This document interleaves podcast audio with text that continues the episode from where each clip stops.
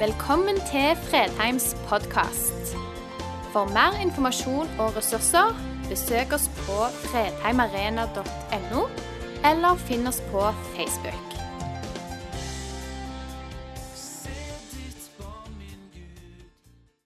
Vi eh, har ikke noe temarekke for mai og juni.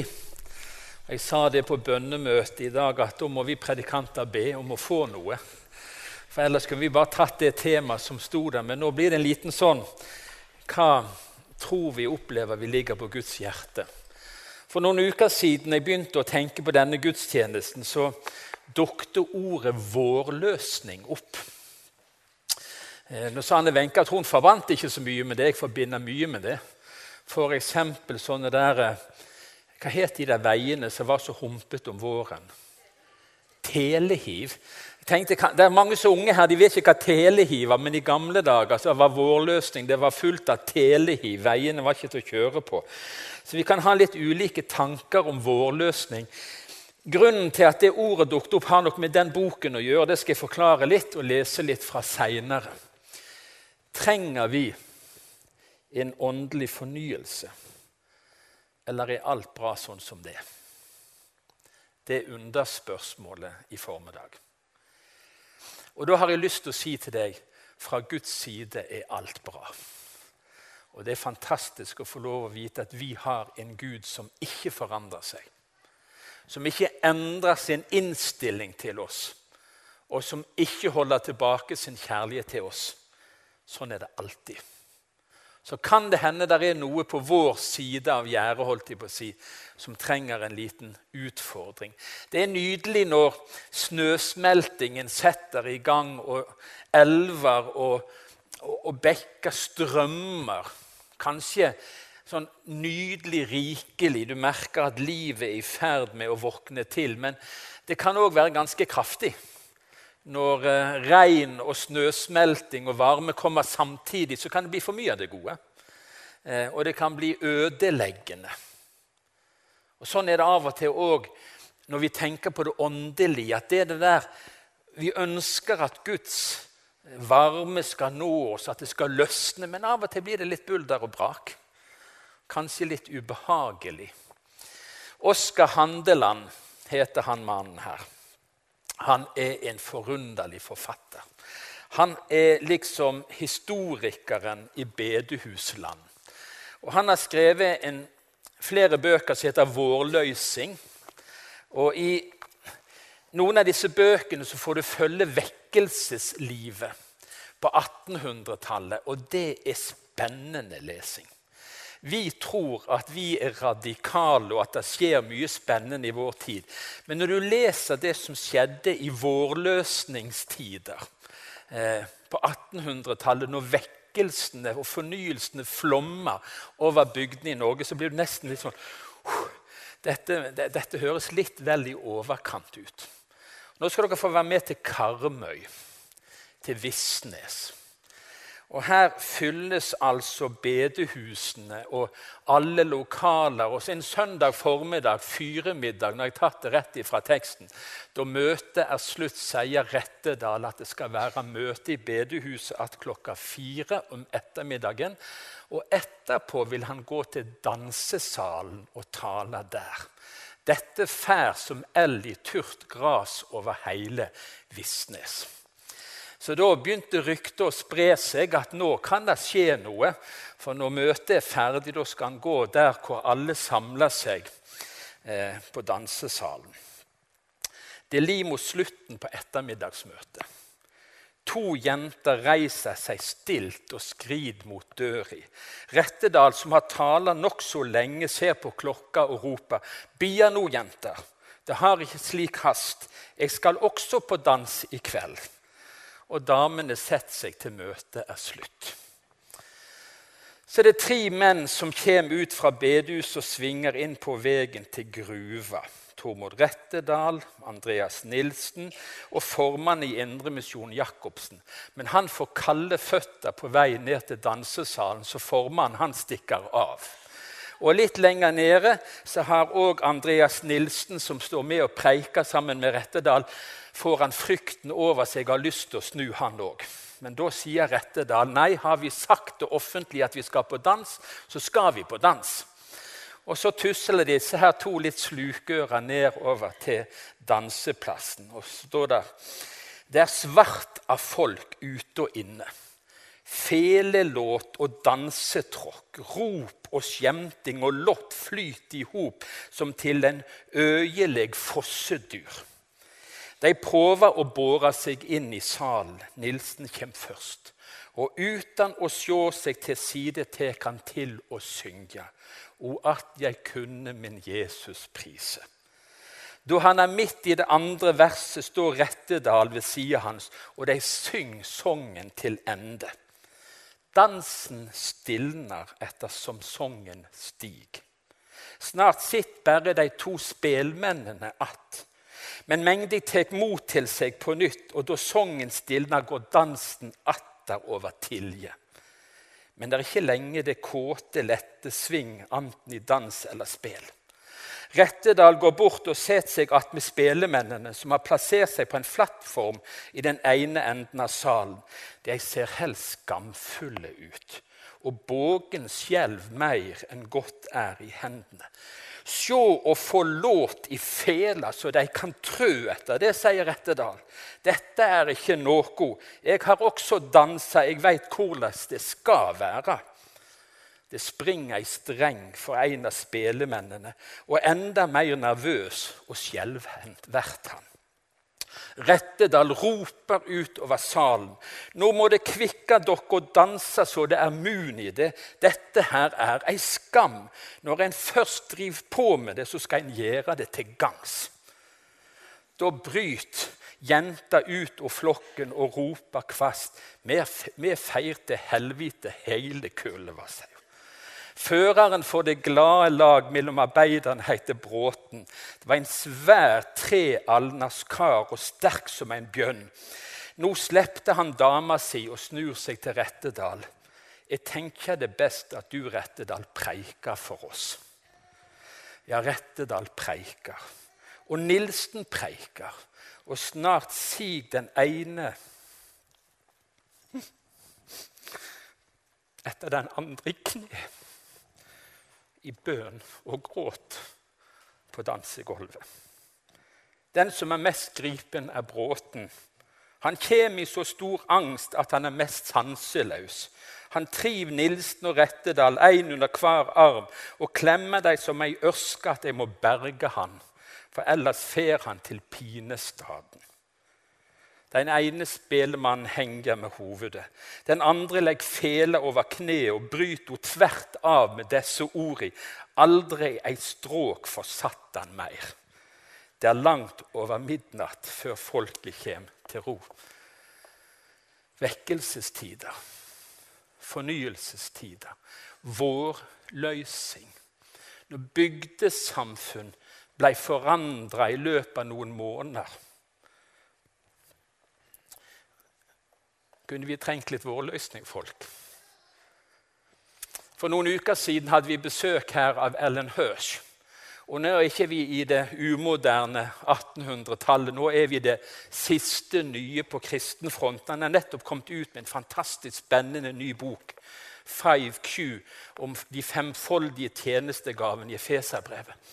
Og I denne boken så siterer han The great Christian revolution came not by the discovery of something that was not known before.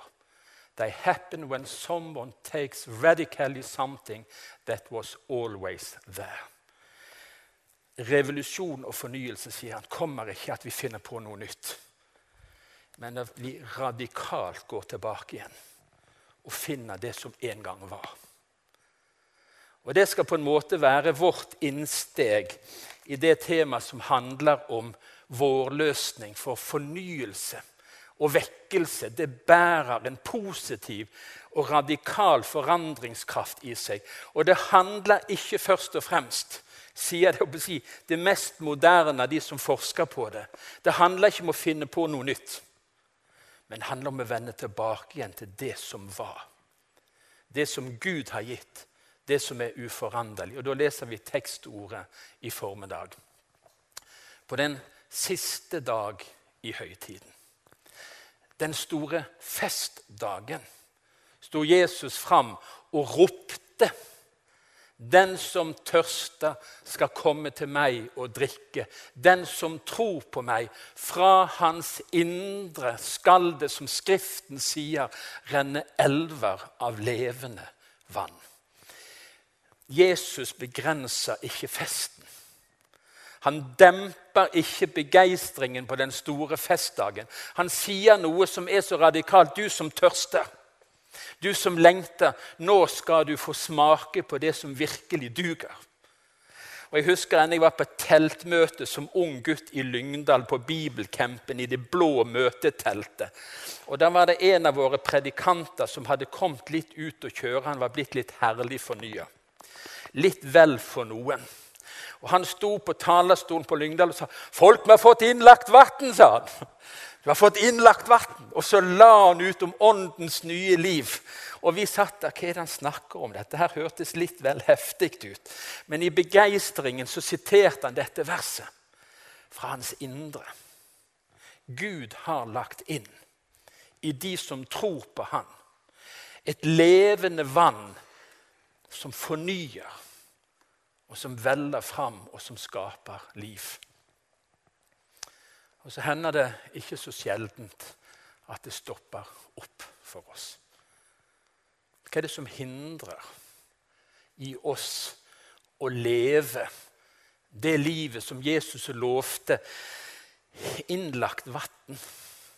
Kan du tenke deg for en jøde som bor i et klima som er annerledes hos oss? Jeg forventer sol og sommer i dag og tørrvær. og Jo, men begynte det å regne i dag òg. Gud må være veldig glad i oss og vasker oss vestlendinger så ofte som han gjør. Forunderlig. Vi forstår jo ikke den lengselen etter vann. Som en kultur i ørkenomgivelser. Tenk at Gud gir et vann inne i oss som aldri slutter å veller fram. Men så stopper det av og til opp. Hvor er jubelen, skriver Paulus til menigheten i Galatia. Hvor er jubelen deres nå blitt av? De begynte så godt. Ved tro og ved nåde og ved Guds ånd så tok de imot evangeliet og ble begeistra. Men så skjedde det noe i menigheten sitt liv som dempa jubelen. De begynte å ta seg i nakken og ta seg sammen og prøve å leve kristelig sjøl i egen kraft. Så tørka det åndelige livet ut hos dem. Og så spør Paulus hvor er jubelen blitt av? Det stanset opp. Eller det vi så ofte har hørt forkynt på bedehuset fra sendebrevene i Johannes 3. Jeg vet om dine gjerninger. Du er verken kald eller varm, men du er lunken. Det er det behagelige. Lunken er det behagelige. Kaldt, det er ikke greit, men det er bedre, sier Gud, å være kald. Varmt, det kan bli litt vel heftig. Så ofte velger vi det midt imellom det lunkne. Det må ikke bli for mye av det. Erling Utnem skrev for mange år siden en bok om visitas på bedehuset. Og Der skrev han at hvis en kristen med normaltemperatur kom inn på et gjennomsnittlig bedehus, så ville folk tro han hadde fått feber. Hvis en kristen med normal temperatur kom inn på et bedehus, så ville de andre tenke han der har feber, vi må roe han ned. Det lunkne er ikke noe Bibelen etterstrever og oppfordrer oss. Hva er det som kan få det til å stoppe opp for oss? Alle disse dagene som kom og gikk. Ikke visste jeg at de var selve livet. Vet du hva? Av og til er det bare livet. Vi har et sånt uttrykk som heter 'for mye av det gode'. Kan det bli for mye av det gode? Ja, det kan bli for mye av det gode. Så skal jeg si til meg selv nå har du mye godt liggende for nok for mange år. Slå deg til ro, min sjel, spis, drikk og vær glad. Det ble for mye av det gode. Av og til er livet det gode livet fører med seg det som blir for mye. Det blir for mye av det gode. Det gode hindrer oss for å leve ut det beste. Det gode er det som tar blikket bort ifra det beste. Det er sjølve livet. Det er ikke noen forferdelige synder og grove fall og utroskap og all verdens greier. Det, det, det er sjølve livet. Av og til er det det gode. Eller når det butter imot. I Johannes 11 så har vi en tekst. Martha og Maria anklager Jesus, broren deres, var død. Og så sier de, 'Her hadde du vært her'. Noen av dere kjenner veldig godt til det. Når livet butter imot. Når det ikke er for mye av det gode. Men det er et savn etter Guds nærvær i smerte, i tap, i sorg, i ensomhet. Og så er det livet sjøl av og til som gjør at det stopper opp for oss. Det er mai. Vinteren har vart en stund. Våren har vært Nei, våren har ikke vært lang. Men vet du hva som kan være noe av den største utfordringen for aktive kristne mennesker? Selve tjenesten. Tjenesten for Jesus kan bli det som stjeler fokuset på Jesus. Uttaket er større enn inntaket, og så stopper det rett og slett opp. Hva er det som kan stoppe dette livet? Hva som kan hindre? Det kan være de gode tingene. Det kan være det du gjør for Jesus, som rett og slett kommer i veien for det bare å være hos Jesus. Jeg har et lite uttrykk som jeg liker godt fra høysangen. Det er mye rart i høysangen. Det er noen uttrykk vi knapt tør å lese fra en talerstol. Men akkurat dette her er et sånt herlig lite bilde. De små revene står der om i Høysangen kapittel 2. Fang revene for oss, de små revene som ødelegger vinmarkene, for våre vinmarker står i blomst. Frukten er i ferd med å, å vokse fram. Men så er det noen som kommer under gjerdet ubemerka. De er så smått. Det er så lite påaktet. Du legger ikke merke til det til å begynne med. Men de ødelegger høsten. De ødelegger frukten. De små revene.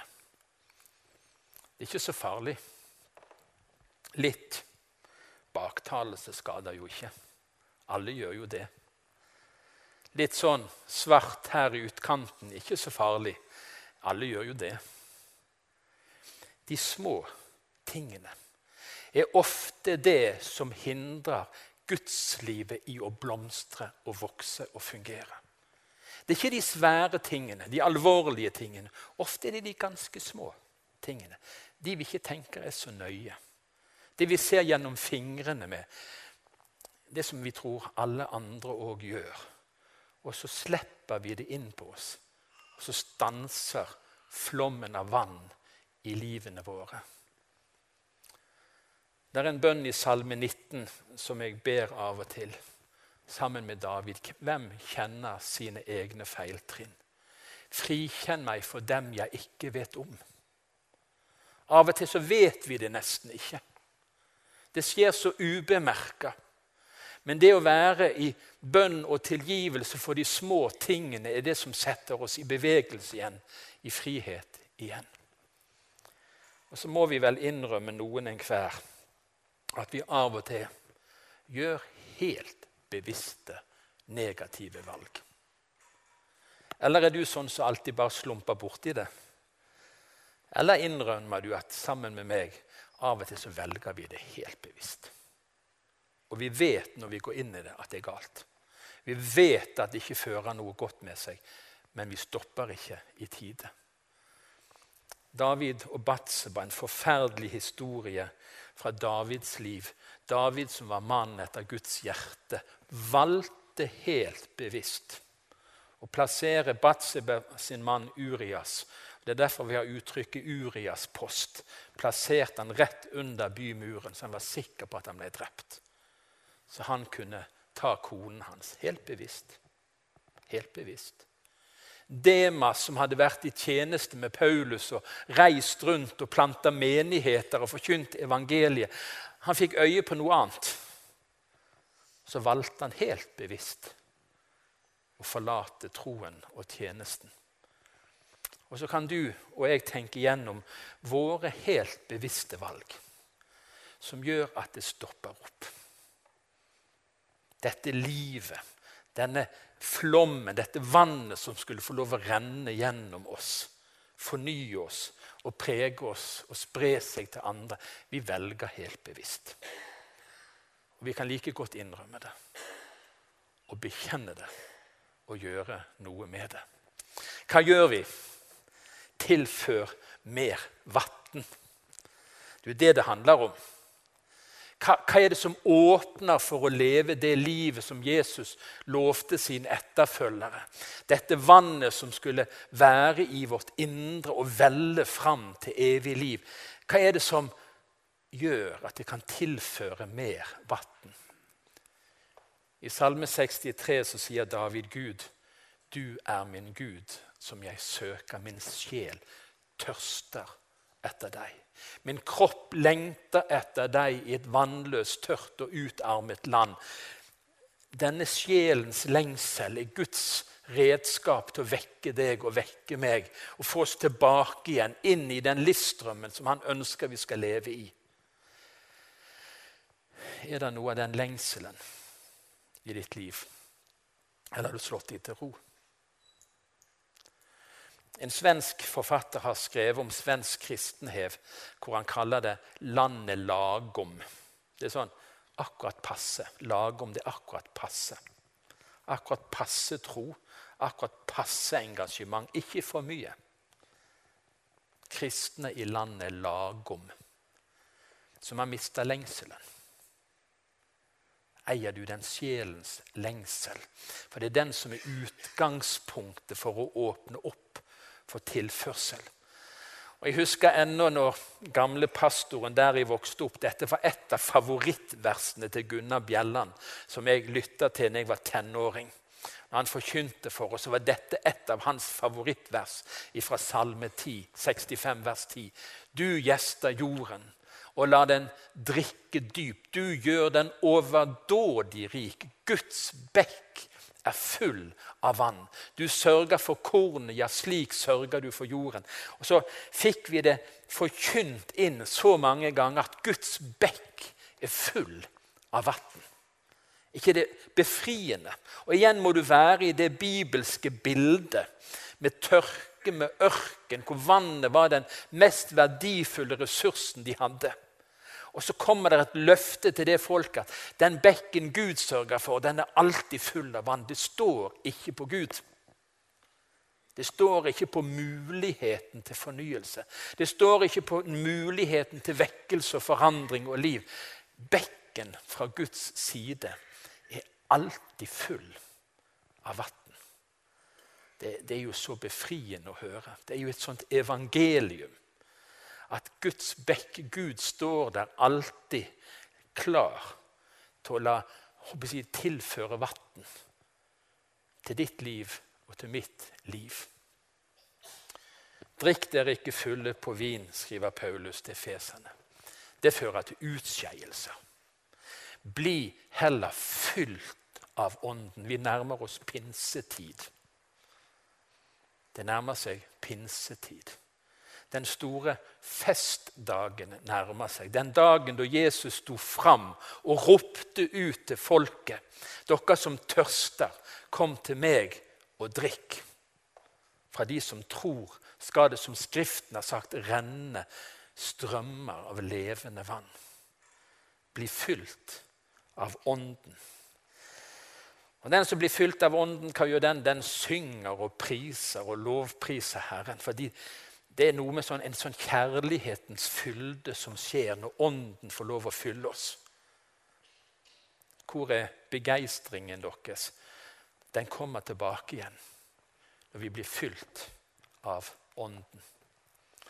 Og Vi skal avslutte i kapittel 2 i apostlenes gjerninger. Det er liksom sånn Av og til skulle jeg ønske at det dukket opp et nytt kapittel her.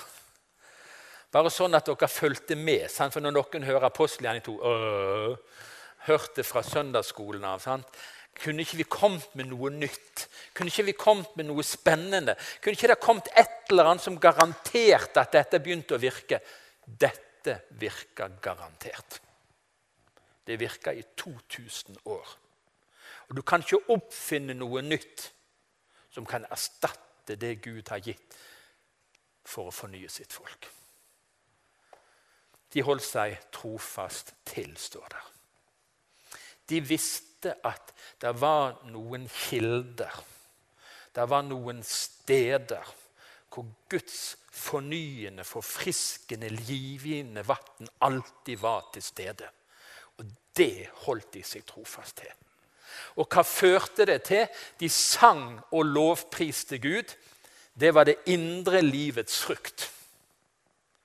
Og hva ble det ytre livets frukt? Hver dag la Herren til nye som lot seg frelse. Hver dag la Herren nye til som lot seg frelse.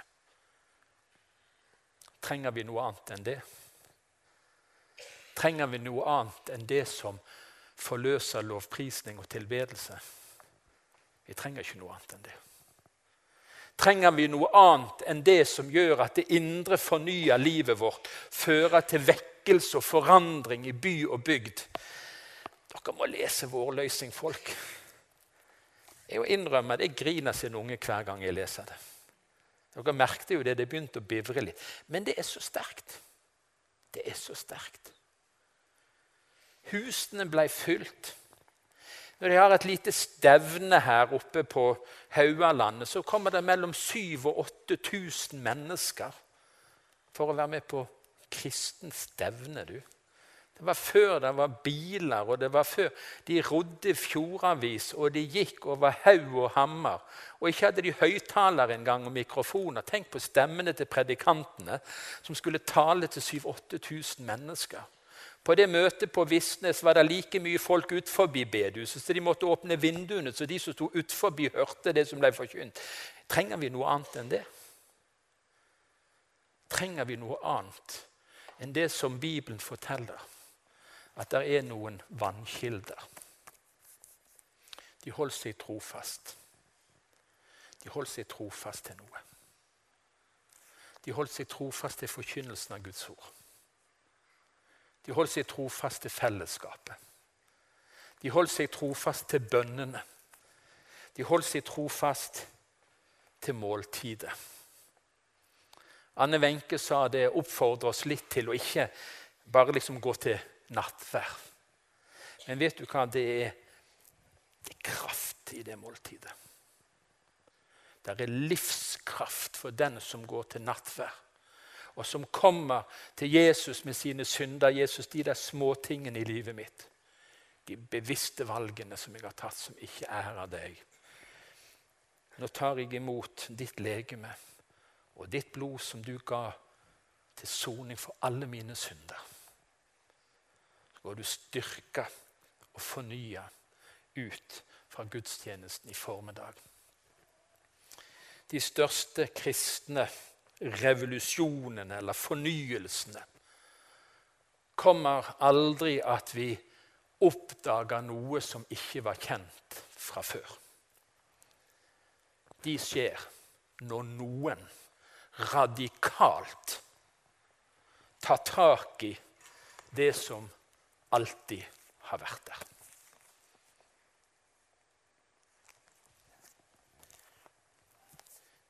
Hva tenker du?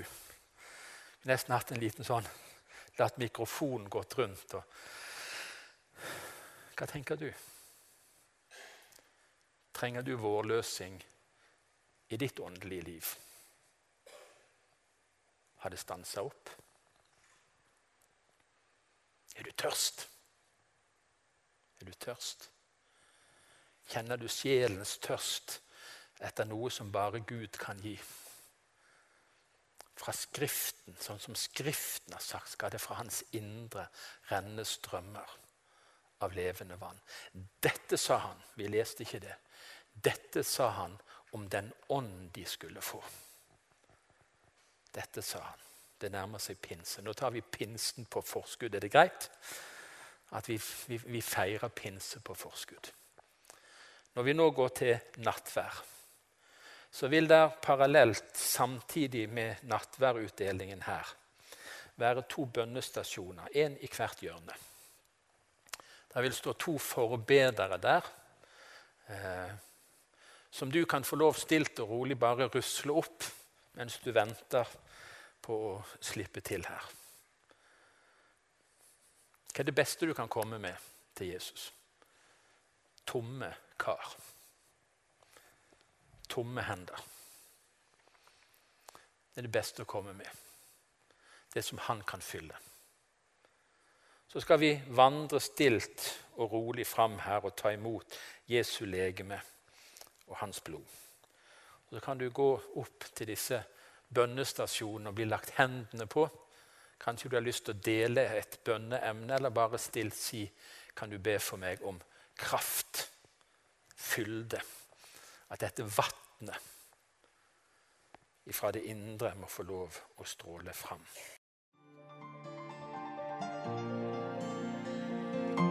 Takk for at du valgte å høre på.